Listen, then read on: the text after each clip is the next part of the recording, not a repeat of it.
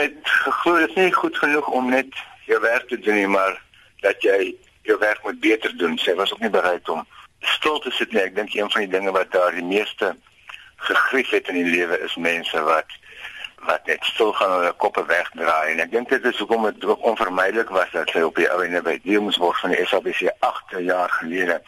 Ek dink dit was 'n um, was uh omtrent 'n jaar en 'n week gelede wat die SAIK vir my vir Suna en vir Tandeka geskort het omdat ons nie bereid was om stil te bly in 'n uh, tydens 'n uh, lyn gesprek waar daar seker instruksies is ons gegee is wat ons nie wou doen nie.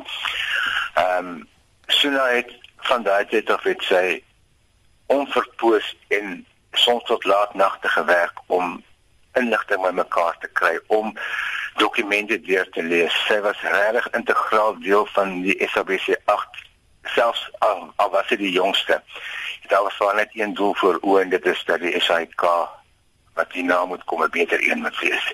So ja, as ek aan haar terugdink dan dink ek aan aan integriteit. Ek dink aan beginsel vas en ek dink aan braaf. Sy het op haar arm met 'n toe gehad wat sy gesê were you brave. En ek dink elke dag as sy gaan slaap het sy vir haarself daai vraag gevra, het jy iets uitsonderliks gedoen?